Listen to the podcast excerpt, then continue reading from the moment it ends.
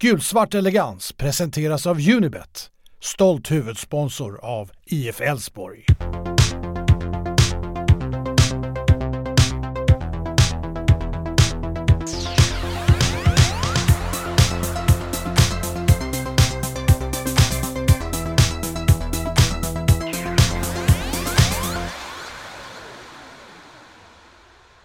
Välkomna till eh, podden Gulsvart Elegans. Vi sitter här efter att just, eller ja, för en timme sedan ungefär, fått stryk mot eh, AIK borta på Friends. Eh, så det är ett något molokigt gäng, eller vad säger vi? Eh, lite tuff, tuff match som vi tyvärr inte riktigt eh, nådde hela vägen fram i. Ja, det känns eh, jävligt eh, bittert måste jag säga. Fan, man, det var ju bättre på den gamla goda tiden när vi sket i att podda efter vissa förluster. typ så känner man sig. Men nej, otroligt besvikelse idag. Jag tycker ja, både på insatsen och resultatet och även som matchbilden blir att vi ändå är nära 1 så känns det ännu mer pissigt att förlora den här matchen. Så att, eh, tungt. Ja, det är klart. Två lag med etablerat försvarsspel som kämpar och, och, och tar det och vi eh, inte kan få till riktigt eh, de här avgörande delarna. Så det är klart ett, en, en match där man verkligen vill eh, få med sig poäng eller vinna eh, och det blir inte mer än en uddamålsförlust. Det är klart det är ju givetvis eh, tungt så sett, men eh, det finns alltid vissa bra delar i det. Man kan se där, men vi går väl in på mer detaljer sen. Ja, nej, det, det är väl lite det här att eh, jag, jag, jag tycker generellt sett att vi man är ganska frustrerad, framförallt i mitten av matchen skulle jag säga. Jag tycker eh, vi kommer väl ut helt okej. Okay. Det är väl inget, som, det är inget jättebra, men AIK får väl ett visst grepp i första halvlek generellt, skulle man kunna säga. Jag tycker vi försvarar oss relativt bra. Det händer ganska lite framför vårt mål. Vi har liksom inte, AIK kommer inte till några tuffa lägen direkt. Det är väl Stefanellis friläge där som jag tycker faktiskt är offside också. Uh, vill, jag, vill jag poängtera. Jag fick aldrig se någon vettig repris på det, men det såg definitivt ut att vara offside tycker jag. Uh, det är väl egentligen den som är den stor, det stora läget. Sen har jag Goitom en nick som, uh, ja, Discovery pratar väldigt mycket om att det ska vara mål där. Jag vet inte, ja, det är ju det är ett bra läge liksom och det kan mycket väl vara mål där. Uh, men det är inte så oerhört clear cut som de vill få det till tycker jag. Så att, totalt sett, ja visst, AIK har två riktigt bra lägen i första halvlek. Jag tycker Elfsborg har, har ett också. Så eh, det är väl hyfsat jämnt. Vi eh, har ju mer avslut, men vi har tyvärr lite för dåliga avslut. Eh, men sen så tycker jag i andra halvlek att vi säckar ihop fullständigt, tycker jag, första kvarten. Men sen händer någonting när, ja, ungefär i samband, samband med att Sebastian Larsson går ut, så tycker jag att vi tar över matchen delvis, inte helt och fullt, men vi blir klart bättre. Framförallt kommer vi ut väldigt mycket på kanterna och, och skapar en del tryck stycken då mot ett eh, AIK som, ja, vi vet ju att de är starka i försvaret och eh, det visar de ju verkligen idag.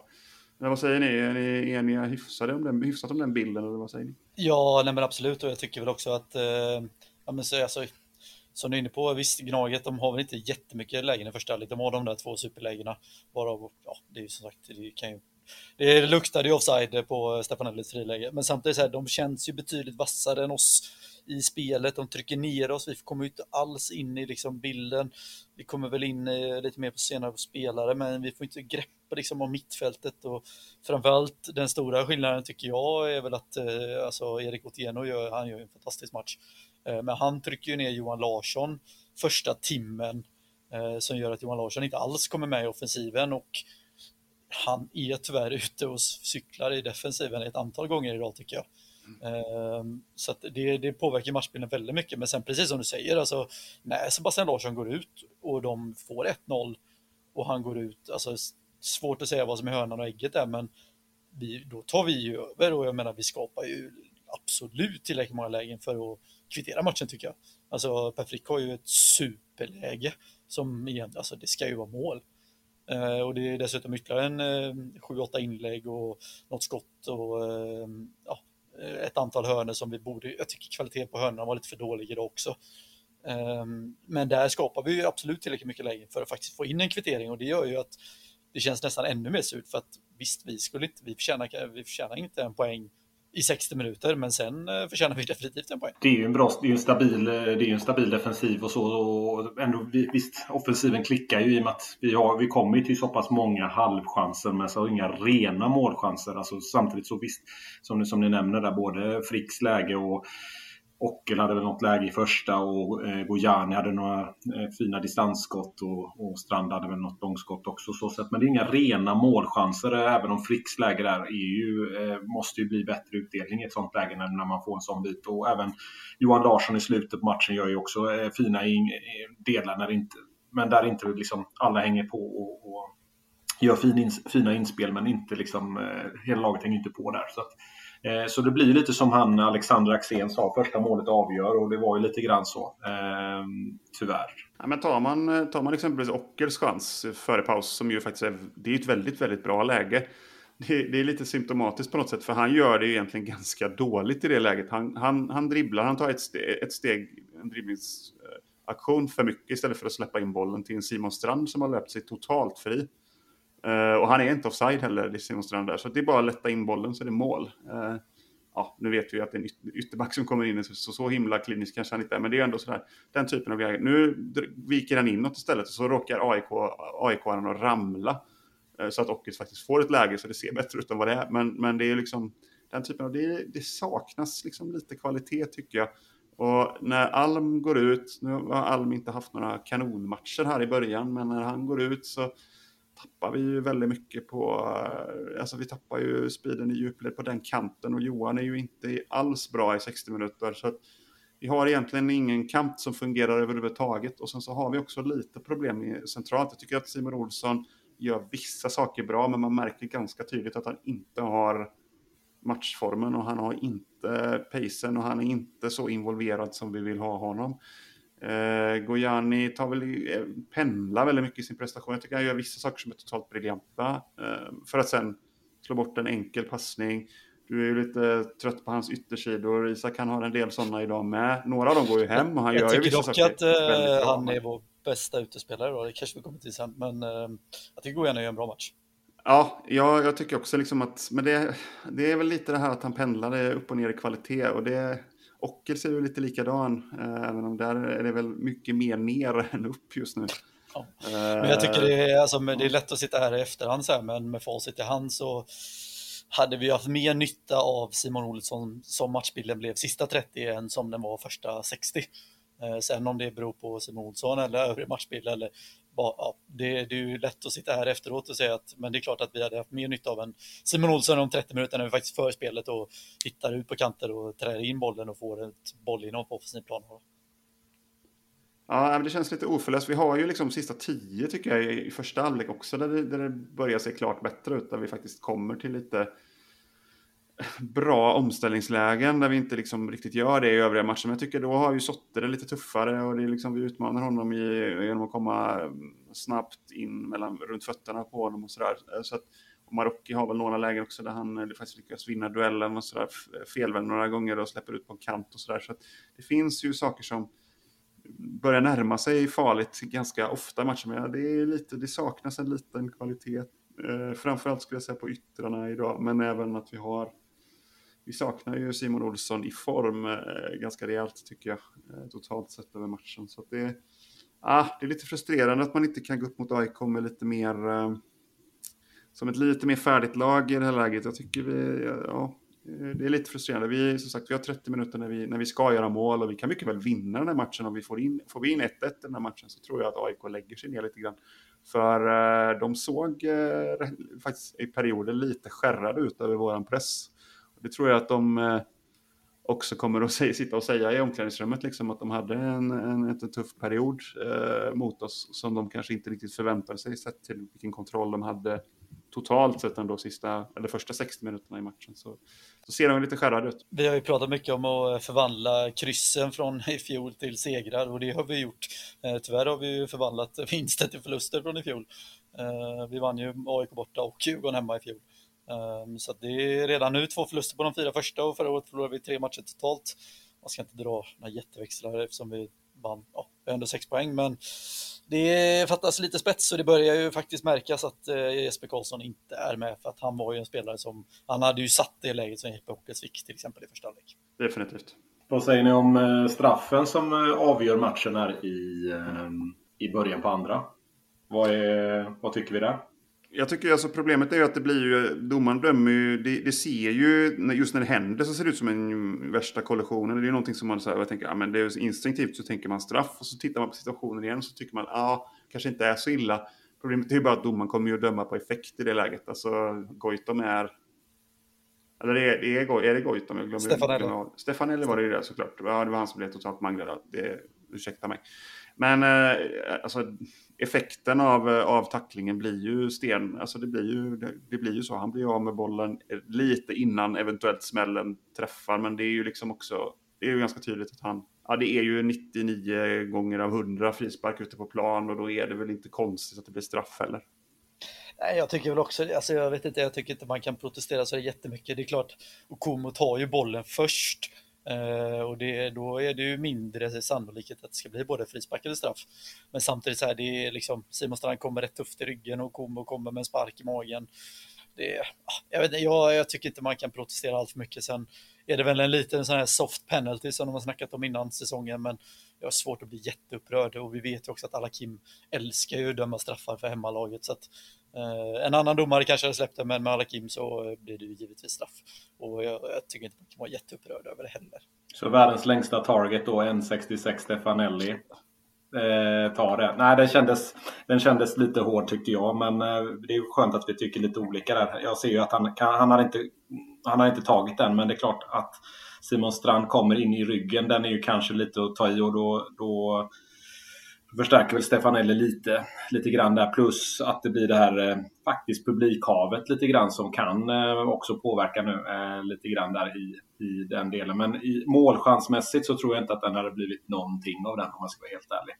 Eh, så jag Nej, det tror jag hård. absolut. Det, där håller jag helt med dig om. Eh, det var knappt ett läge. Men det är ju det som gör att det blir, det är ju det som gör att det också är klantigt liksom. Alltså går du in, det spelar ingen roll om du gör ner en spelare ute vid eh, halvvägs till hörnflaggan liksom. Det är ju ändå straff om du gör ner en, en kille där inne liksom. Det är ju det är inte så jävla mycket att säga om tycker jag. Eh, men visst, jag kan förstå att man kan tycka att det är jävligt onödig straff och att det kan, kan frias. Men det är, jag skulle säga att åtta av tio domare Eh, dömer straff där. Eh, sen kan jag störa mig på vissa andra saker när det gäller eh, alla Kim. Jag tycker vi har väldigt många softa frisparkar mot oss där man bara går in, går in tufft. Och vi har också några lägen när det är totalt jämförbara situationer som när exempelvis Alm får tre smällar i första halvlek eh, mot Otieno som är tuff och duktig liksom. Men att han inte får någon frispark i de lägena, det tycker jag alltså, det är ändå upp i rygg och det är liksom i, man trycker till en spelare som är på väg framåt. Det är klart att det, det är klart man ramlar då. Det är liksom inte, det är inte en filmning utan det är ju frispark. Eh, ja, och dessutom eh,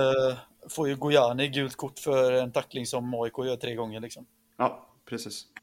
Och sen hade vi, ändå, vi hade ju en jämförbar tackling där med eh, Otieno i början. Ja. Eh, som, som inte tar någon på Gojani. Eh, och det, det kändes ju lite grann där när Bahoui ändå ja, tar den. Och, eh, trots det så hämnar väl inte det direkt Gojanis spel, skulle jag säga. Det, det, det tidiga kortet han får mot Bahoui. Så att, eh, ja, vi får se vad, vad det landar i. Men eh, jag ser det som en, en riktig straffbjudning om jag skulle avsluta det vi sa. Eller en publikstraff.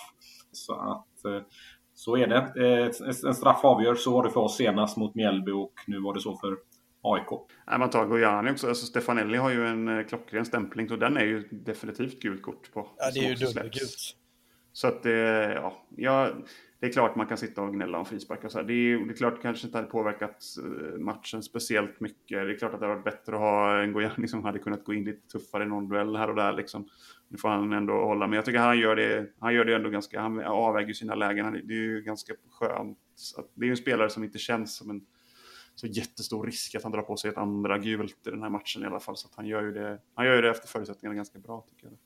I övrigt då, eh, om, vi, eh, om vi tänker oss liksom eh, det, det som faktiskt ändå händer som är positivt de sista 30 minuterna. Dels Sebastian Larsson går ut, jag tror att det är faktiskt en liten faktor ändå. Han är, han är duktig på det han gör. Jag vet att vi pratade om honom innan matchen också. Eller jag framförallt hyllade honom lite grann innan matchen. Eller man, jag tycker illa om honom. Så så är det en jävligt bra spelare. Eh, och det är, många, det är många spelare med rutin som, som gör det bra i AIK tycker jag. Eh, så, att, eh, så men, men vad är det som händer då sista 30? Är det desperationen som kommer in eller är det eh, Frick som kommer in? Eller vad är det som händer? Jag tycker inte det är någon, det, alltså så här, det är ingen desperation tycker jag inte för att jag tycker vi har ett ganska strukturerat anfallsspel trots allt sista 30. Eh, det är ju inte så att vi bara lyfter långt och vinner kamp om andra bollar och liksom skapar lite tryck på det sättet utan det är ju ganska tydligt att vi helt plötsligt får ett kraftigt bollövertag, flyttar upp positionerna, vi får upp Johan Larsson 20-30 meter i banan och AIK släpper ju Johan Larsson av någon jävla anledning.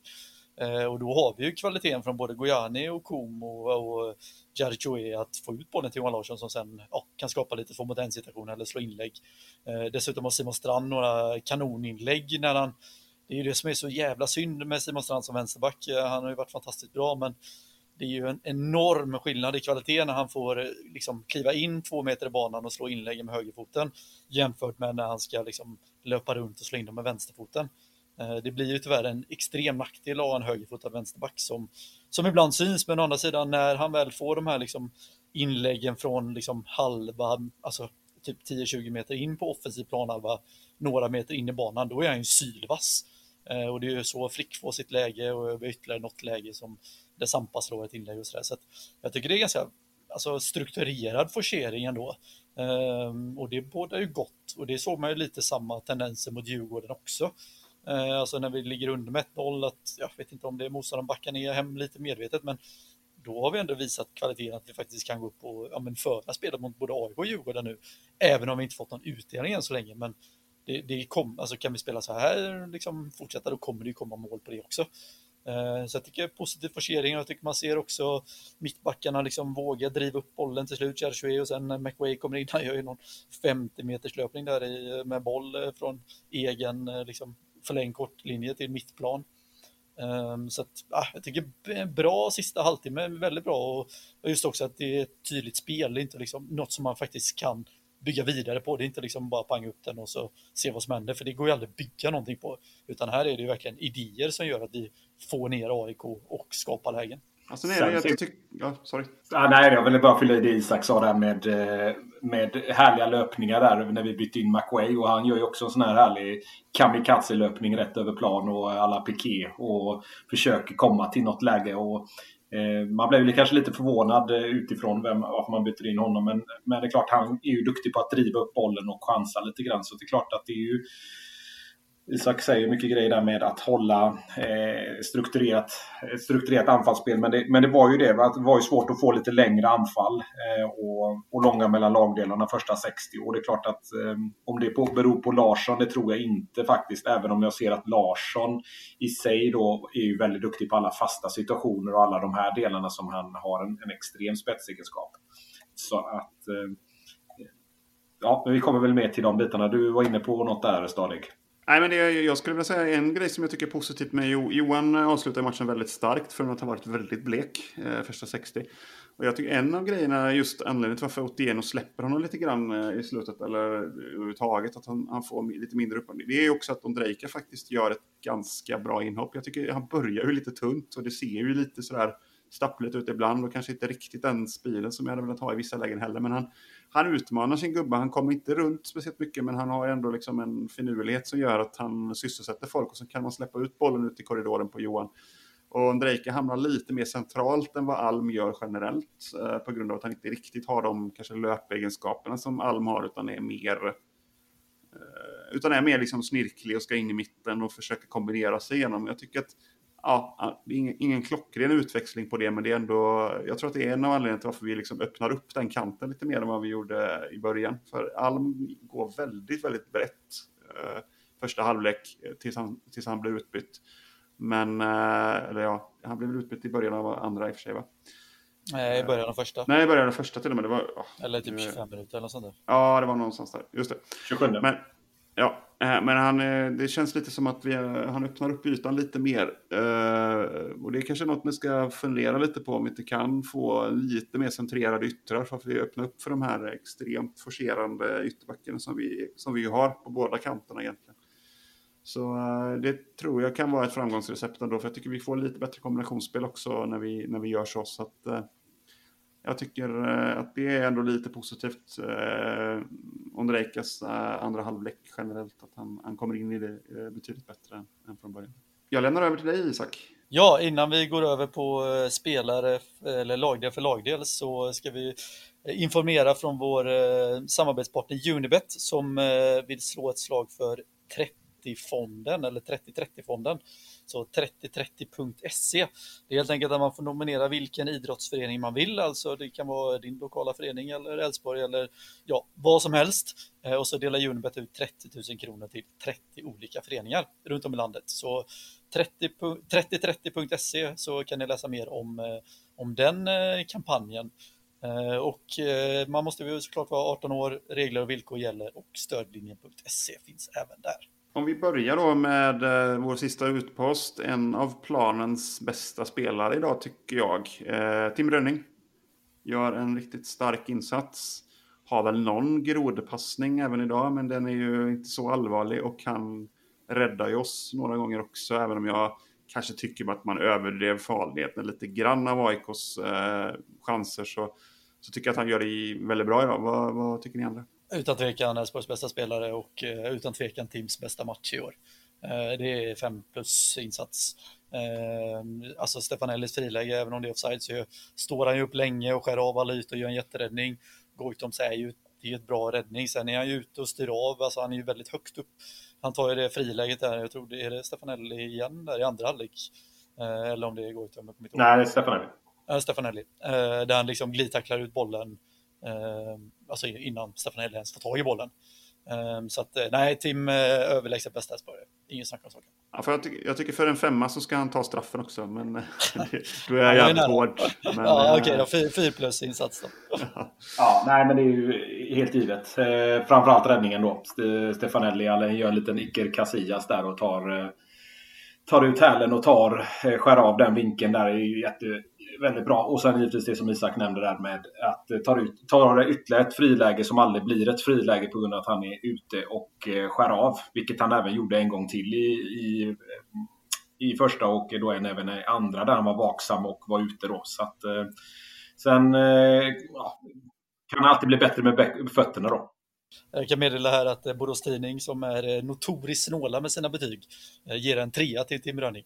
Eh, lite smått, men de är alltid snåla. Så att, men BT ja, de, har ju aldrig, de har aldrig gett Simon Olsson mer än en tvåa känns det som. Också. Det är helt jävla sjukt. De har verkligen någonting emot honom. Det... Nu var han ju inte jättebra idag i och för sig, men det var, ja, visst, vi kan komma till det sen.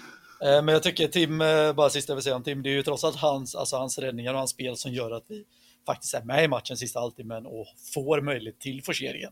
För det hade lika väl kunnat vara 2-0 till AIK, då hade vi ju varit körda. Liksom. Verkligen.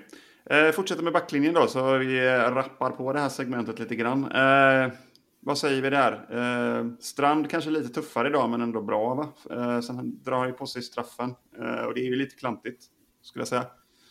Eh, Johan 60 minuter, det har vi redan pratat om att det inte var så himla bra. Eh, däremot mittbackarna totalt sett väldigt bra, i alla fall i mitt tycke. Vad säger ni andra?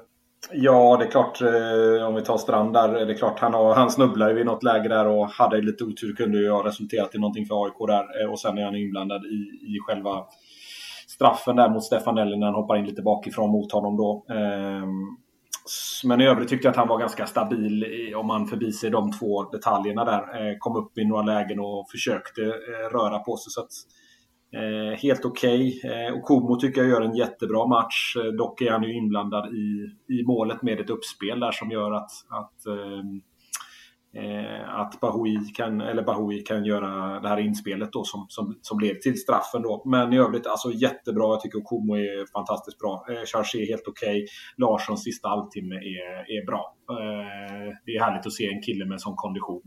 Eh, och hur, så viktig som han är och att han kan gå upp i, som en extra anfallare. Det är, det, det är klass. Ja, men jag instämmer och jag tycker väl att eh, alltså Como eh, väldigt svajig sista kvarten eh, innan han blev utbytt på grund av skada. Det är ju lite oroväckande.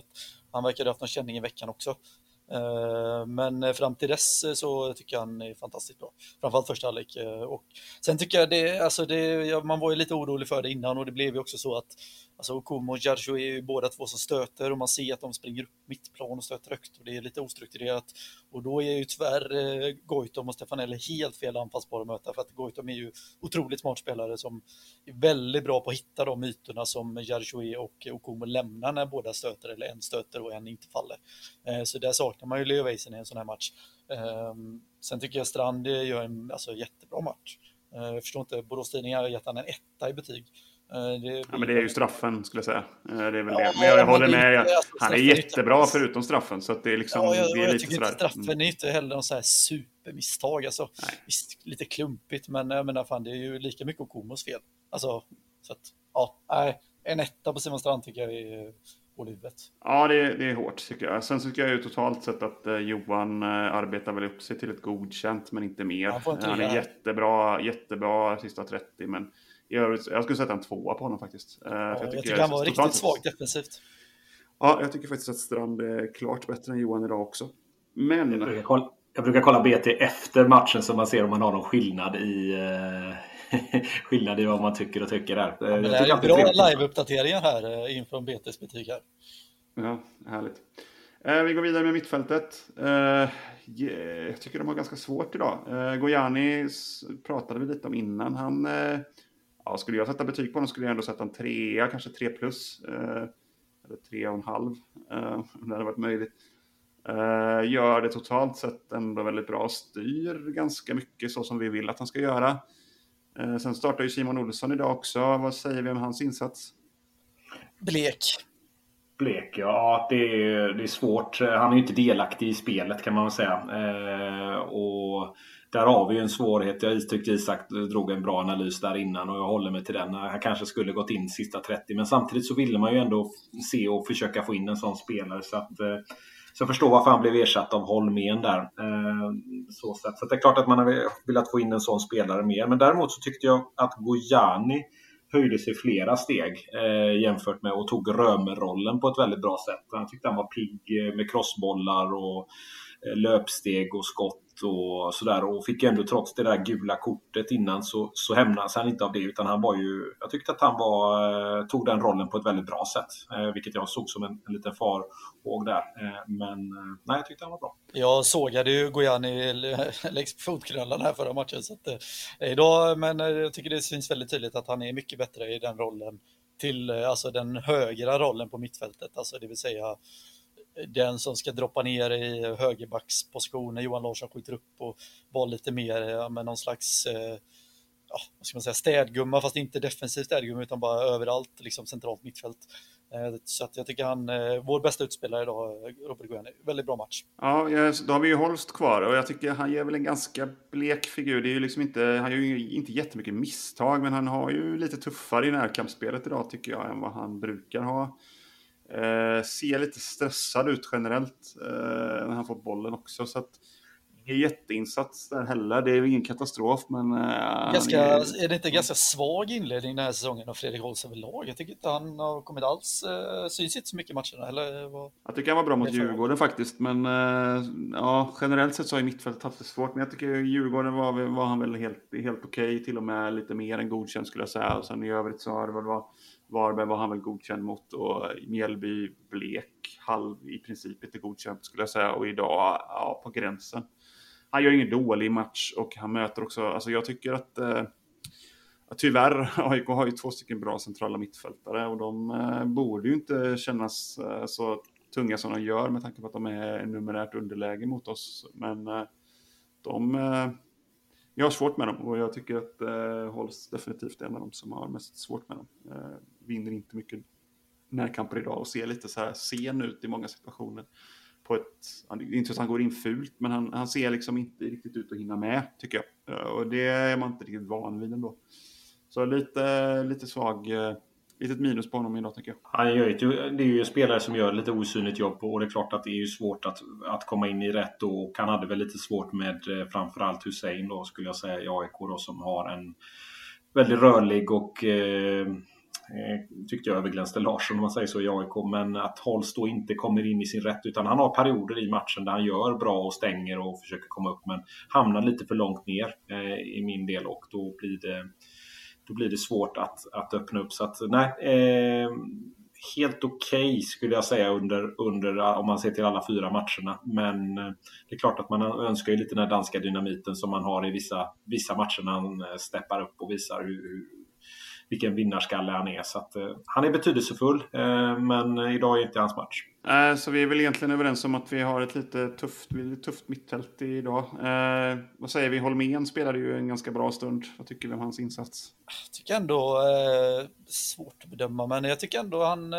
för, alltså, bättre den här säsongsinledningen än vad jag tyckte han visade upp förra säsongen faktiskt tycker det känns som att han eh, ja, men, eh, mer landat i sin roll och liksom vinner lite boll, fördelar lite tryggare i passningsspelet. Sen är det klart, alltså, det är ju ingen, eh, det är ingen toppspelare i Allsvenskan längre, det kan man inte påstå. Men en bra truppspelare som absolut inte gör bort sig när han kommer in så här. Så att, jag tror ändå han, han tillför någonting, även om det är ingen liksom, spelare man startar med i varje match. Men han bidrar ändå när han kommer in tycker jag. Är det inte delvis för att resten av mittfältet inte riktigt presterar som de gjorde förra året? Som gör kan att det vara också. Kan det vara. Mer uppe på deras nivå. Sen ska jag säga, jag håller med. Han, han, han, men jag tycker att han gjorde väl egentligen sitt jobb även förra året. Det var väl bara att han såg väldigt svag ut i perioder för att ja, inte hade tajmingen någonstans. Liksom. Det känns också som det är svårt att veta. För det kan också vara så att Holmén är en sån spelare som är betjänt av att spela väldigt mycket. Uh, och att det kan vara en av problemen. Men sen så är han inte riktigt tillräckligt bra för att göra det. Uh, så att, just nu. Så att det, ja, det är lite vad som kommer först där hönan eller läget. Mm. Holmén har ju sina egenskaper och det är, han är duktig två eh, drivande och, och, och, kan ta sina löpningar och sådär. Och det är klart han hade ju några, in, några inlägg och lite annat där han försökte komma in. Sen är det ju alltid, det gäller att vara påkopplad hela tiden. Men jag tycker ändå att han är en klar tillgång till, till, till laget och jag ser eh, att han har många bra ledaregenskaper att pusha och driva laget. Så att eh, så jag, ser, jag hoppas och tror att han kommer vara betydelsefull eh, med sin, med sin erfarenhet och rutin av olika delar. Så att eh, där ser jag att han är... Eh, hoppas att han kan ta faktiskt större ansvar i år. Om vi fortsätter med anfallarna då. Vi har Ockels till vänster och vi har Endione på topp och vi har Alm från start men utbytt ganska tidigt på grund av en skada som såg ut att vara låret. Va? Ja.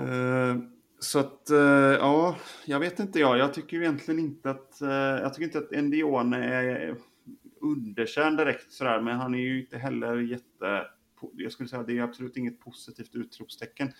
Ruskigt tufft motstånd för honom idag. Eh, den typen av mittbackar som han kanske, jag vet inte, det känns inte som att det var hans match riktigt. Och han fick ju inte någon vidare leverans heller. Gör väl en del halvvettiga saker när han får bollen, men Uh, händer ganska lite och jag skulle säga att det beror väldigt mycket också på att våra yttrar, både ja, Ockels men också Alms start och sen Ondrejka, ja, det saknas lite där. Det gör ju det och vi har ingen riktig leverans från centralt på mitten heller. Så att, ja, lite svagt tycker jag för egentligen alla tre startande uh, spelare.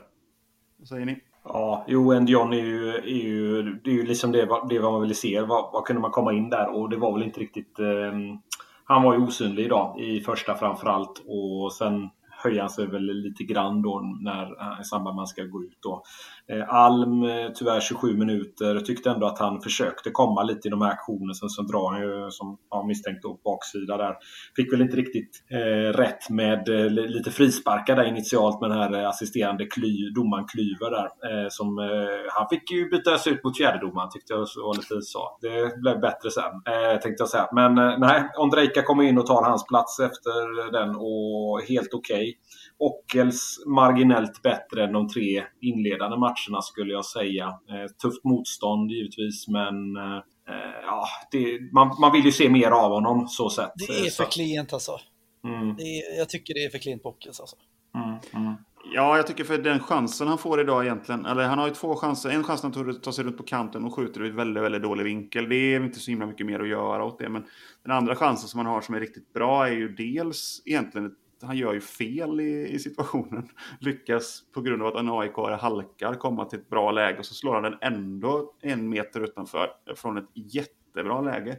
Och han skapar egentligen inte mer än så heller. Så att, nej, jag tycker det är en klen insats idag. Uh, jag tycker att Ondrejka är bättre eh, totalt sett de minuter han får. Eh. Jag tycker Ondrejka är bättre än både Ockelsen, Dion och Alm faktiskt. Ja, sen, jag, det är lite så här 27 minuter på Alm, det är lite svårt. Men jag, jag, jag tycker generellt sett att det, jag tycker han hamnar för långt ut på kanten i år. Eh, och det är inte bra heller i vårt spel just för att jag tycker att Johan är den som ska bomba på där på kanten. Jag tycker vi hamnar lite i problemet att han inte är tillräckligt central. Och jag, jag skulle vilja se Alm ta, nu vet vi inte liksom hur, den här, hur allvarlig den här skadan är, men skulle vilja se honom ändå löpa in bakom linjerna lite mer, ställa, ställa, ställa liksom att vara lite noggrannare med att faktiskt utmana mittbackarna mer än ytterbackarna. Eh, är väl det jag skulle vilja se. Eh, att han gör mer. Jag tycker han gjorde det mer förra året, eh, även om han också hamnade ganska mycket på kanten även då.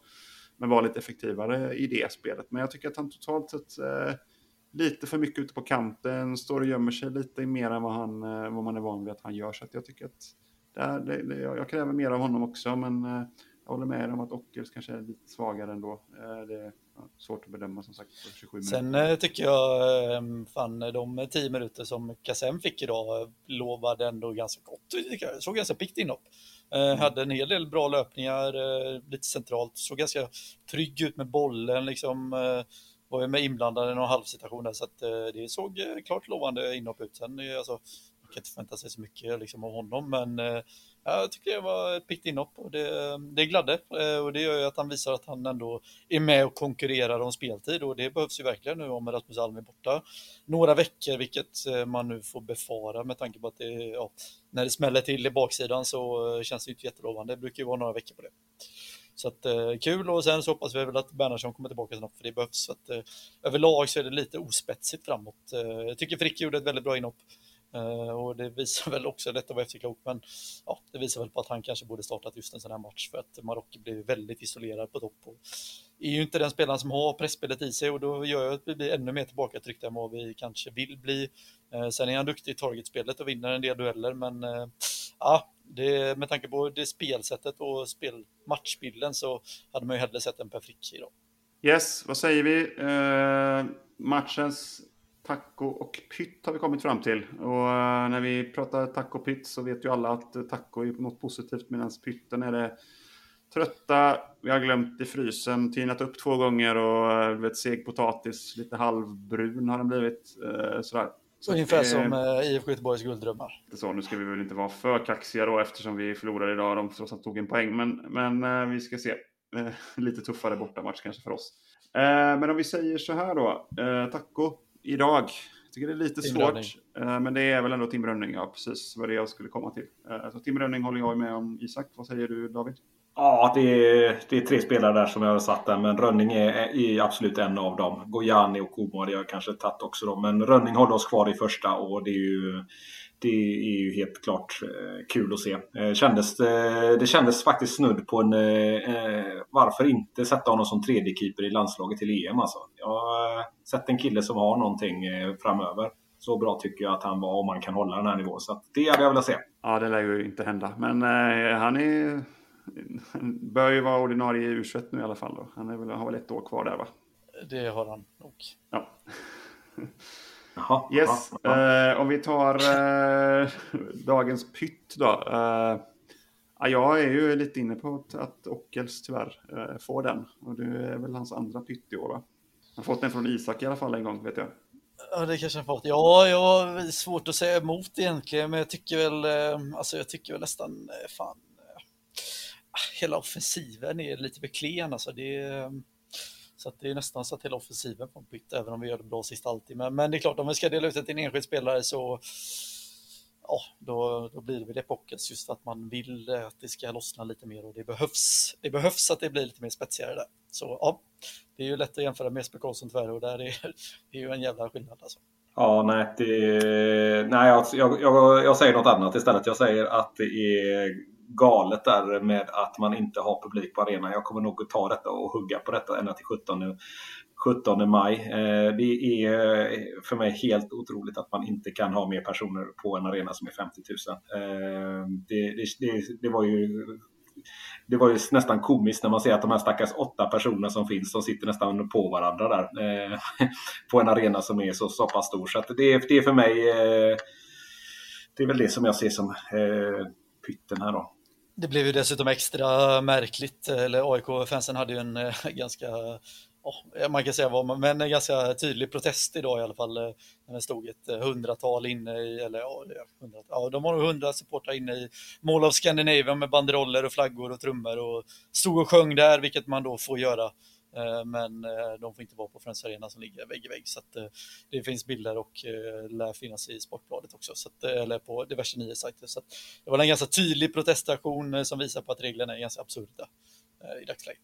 Yes, vi har en punkt som heter matchens tre bästa spelare i vardera lag som både jag och Isak försöker mobba ut lite från, från körschemat här. Men jag skulle säga att totalt sett det är svårt i IF Elfsborg tycker jag, för det pendlar ju lite med. Det är väl Gojani, det är Rönning, det är Charchoe skulle jag säga kanske då, uh, från, min, från mitt perspektiv. Ja, då är, då är jag nog mer inne på Oljans linje Tokom. Men han, i och för sig, han var svag sist alltid, men så att... Jag vet fan vem som var tredje bästa spelare, jag vet inte. Per Frick. Nej, han missar läget, så att, nej, jag vet fan. Det är blank på den. Det var bara två bra spelare idag, Rönning och Gojani. Ja, nej, jag får väl eh, säga, jag tyckte ändå att eh, de vi nämnde där, men om man ska plussa någon i motståndarlaget så var det Otieno och Hussein. Eh, tyckte jag var Eh, tyckte jag gjorde bra, bra matcher faktiskt. Jag tyckte mm. även eh, Bowie och Stefanelli var riktigt bra. Och sen får man, alltså man, vi snackade lite innan och det är ju ganska tydligt att det är två av allsvenskans bästa backlinjer för att alltså Lustig alltså, och möter ju trots allt en jävligt bra högerback. Eh, och Sotte och med, nu Milosevic var inte så utmärkande idag, men Sotte tog ju ändå hand om Rasmus Alm i början och vann ganska mycket närkamper och dueller. Sen hade han väl någon misstag och sådär, men jag tycker han var riktigt bra och återigen ja, tycker jag var bäst på plan. Eh, ja, jag tycker Milosevic stack väl inte ut positivt överhuvudtaget. Men däremot tycker jag Sotte definitivt gjorde det. Eh, för han gick upp mot Frick också lite på slutet där och var ganska trött i de lägena. Men han lyckades ändå hantera det bra. Så att jag, jag skulle säga Sotte i AIK definitivt. Och sen eh, jag håller med er om Hussein eh, och Teno. Så att det är väl rimligt. Och det, är, det var riktigt bra insatser av de tre, tycker jag. Så att eh, det får man väl credda helt. Eh, har vi några, nu våra odds här har ju varit lite spridda skurar, men både David och, eh, och Isak lyckades ju få in sådana. Jag är ju en extremt dålig tippare generellt, så gå inte på min linje. Eh, ska jag, säga. jag går också ofta på ganska höga odds. Så, eh, Stades chansning. Ja, precis. Eh, och jag har ofta svårt att tippa på Elfsborg eller mot Elfsborg eller överhuvudtaget med någonting som har att göra med Elfsborg. Så det är bland annat därför jag valde en dubbel på Halmstad och eh, Djurgården nu i senaste podden. Det sket sig redan dag ett, även om det inte var så jävla långt ifrån. Jag tycker Halmstad var ganska spetsiga, framförallt första halvlek. Men yes. Eh, vad säger du Isak, har du något eh, spännande för oss?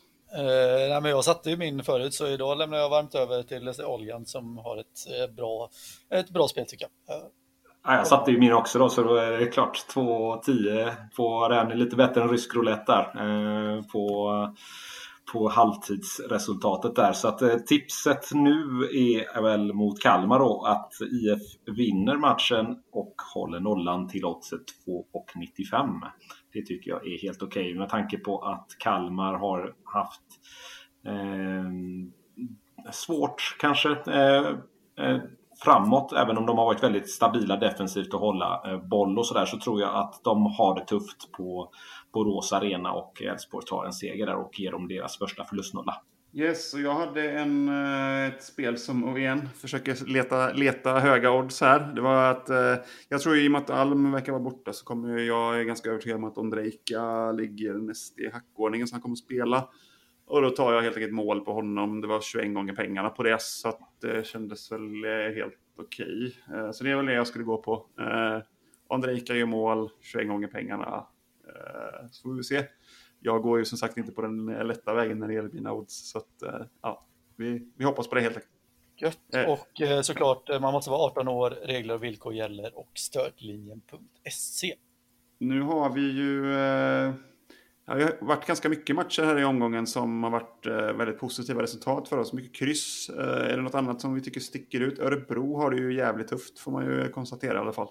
Ja, Örebro eh, ser riktigt jävla risiga ut eh, och ja, inte alls imponerande.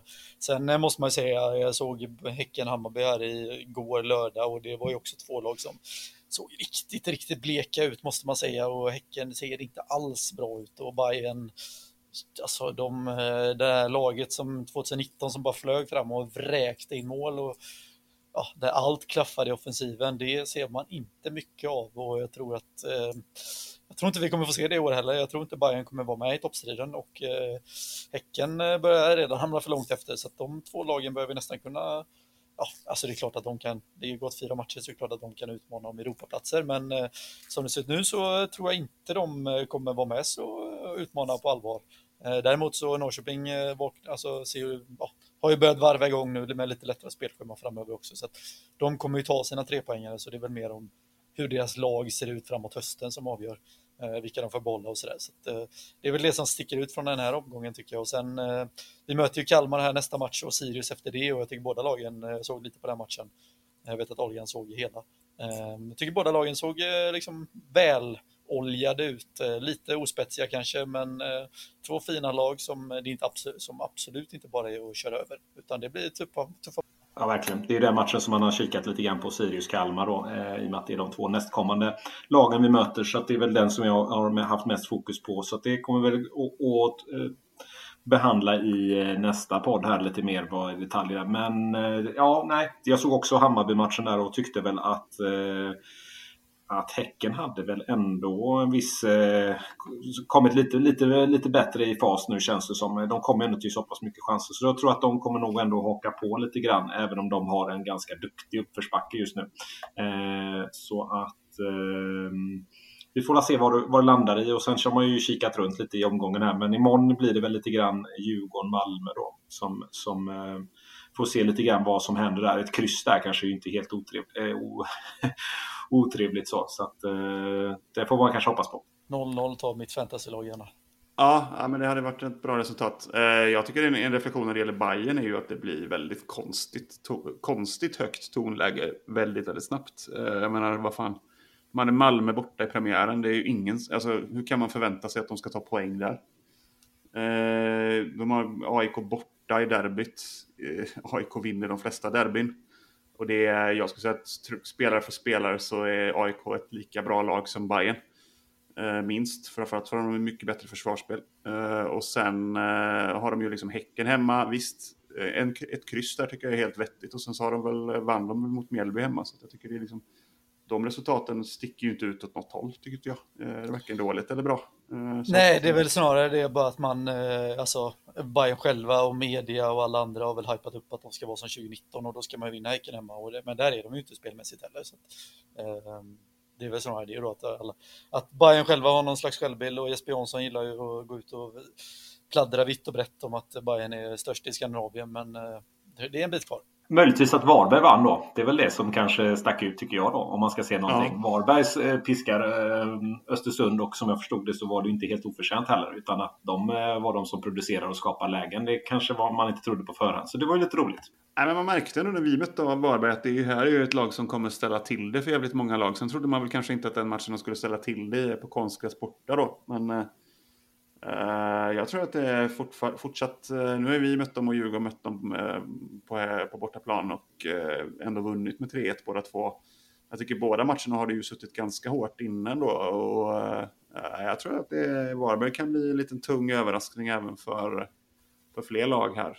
Speciellt om, om det kommer lite regn här framåt våren också så kommer planen att bli härlig där också. Så jag tror att det är det, ska man nog, det är definitivt inget lag eh, som... Eh, det, det var skönt att vinna mot dem. Det kan visa sig vara inte så jävla många som gör det på bortaplan. Men samtidigt, jag håller med. Två lag nu som vi ska möta. Som vi ska vi vara topplag så måste vi nästan vinna de här två matcherna. Så att, eh, väldigt spännande och det är tufft motstånd där med. Eh, sista, bara helt annat spår. Vi ska väl gå in på det, det är kanske lite mer i veckan eller, och framförallt ännu längre fram i sommar och sådär. Men det kom, eh, så jag läste precis eh, någon rubrik över en intervju med Niklas Kalén, Malmös VD är han väl, eh, angående Conference League, peng, alltså pengar för lagen som kvalificerar sig till Conference League och det har ju varit väldigt mycket snack om det. Eh, både alltså Sonny Karlsson var ju Häckens eh, ja, avgående sportchef, var ju ute vid julas där och sa att det var en jävla B-turnering och att det kommer förlora pengar. Men enligt Niklas Carlén som dessutom sitter i någon form av Europagrupp som jobbar med det här så kommer det generera ungefär lika mycket pengar som gamla Europa League. Eh, alltså det vill säga runt 30-40 miljoner för ett gruppspel. Ehm, så det är ju väldigt bra pengar. Så det, är ju positiva nyheter för oss som ska kvala till Europa i sommar. Och det är väl den linjen som Stefan har haft hela vägen i det här. Så att du får hoppas att det helt enkelt stämmer så. Ja, personligen så låter det ju lite så här. Det låter ju på ett sätt lite märkligt. Men jag vet ju att det är liksom Europafotbollen generellt sett att Uefas pott måste väl nästan rimligen börja gå ner lite. Så att vad, vad, de, vad de helt enkelt håvar in på de här turneringarna. Så att det, men frågan är, det jag funderar lite på är ju liksom tv-avtal på en turnering som är nummer tre i steget. Eh, hur det kan vara så mycket liksom. För jag tänker ju personligen, jag ska vara helt ärlig, jag menar mitt intresse för Europa League har ju också störtdykit de senaste åren. Eh, jag tittade på ganska många matcher i Europa League för 5, 6, 7 år sedan. Och när Elfsborg spelar så tittar jag ännu mer såklart även på andra lag. Men eh, det är lite så här, jag, jag tycker det finns en viss, för mig personligen så finns det en jävla mättnad för, eh, på internationell fotboll och på tv-fotboll någonstans. Även om det är den enda fotboll man får hålla till godo med nu så, så känns det ändå som att det är lite tvek på att en tredje klubblagsturnering verkligen är någonting som, som någon är sugen på att betala för. Men uppenbarligen finns det ju i alla fall någon ekonomisk botten i den. Så att, eh, det kan ju vara några fördelningsprinciper också, men eh, vi ska väl gå in lite djupare på det någon podd framöver. Absolut, vi kan definitivt utlova att vi kommer att eh, grotta ner oss i lite koefficienter och sånt kul här framöver. Så framförallt får vi väl ta det någon match, kanske lite osexiga motståndare eller så, här, så vi kunna slänga in det i en veckopodd. Så, för det är ju definitivt värt att börja titta på, eh, kanske någon gång redan innan EM här, för att ha lite koll på vad som händer efter EM helt enkelt. Yes, i övrigt, eh, något att tillägga killar? Nej, nya tag mot Kalmar eh, får vi vända på det här. Eh, det är väl lite grann det. Sen eh, hoppas vi eh, ha något att se fram emot. Jag älskar ju Europa-matcherna så att eh, det är verkligen någonting man vill ha. Så att eh, den kommer ha något att se fram emot. Så att, eh, där får vi se och ta nya steg. Och det låter ju väldigt lovande att det är mer pengar i, inblandat i det. Så att där får vi, får vi se att vi har något att, att, visa upp nu när det, när det kommer längre fram här. Så att där har vi någonting riktigt bra. För jag tycker vi har ett bra lag. Kul med lördagsmatch nästa vecka, ändå vill tillägga. Yes, jag skulle också vilja tillägga att jag tycker ändå trots allt, nu är det så här ingen jättematch idag, men jag tycker att Elfsborg har ett väldigt, väldigt, lite intressantare spel för ett Europa-äventyr nu än vad vi hade förra gången vi var ute och svängde. Så att eh, vi är lite tuffare, vi är lite mer internationella, vår spelstil, vi spelar lite snabbare, vi har lite mer eh, Ja, vi har lite andra usps, uspar just nu än vad vi hade senast vi var ute. Så eh, det ska bli intressant att se det också. Men eh, det kommer ju senare så att, eh, vi tar det då. Vi får väl säga hej då där och så får vi eh, hänvisa till eh, nästa podd som kommer någon gång här mitt i veckan. Så eh, får ni ha det gött. Ha det gött. Hej. hej.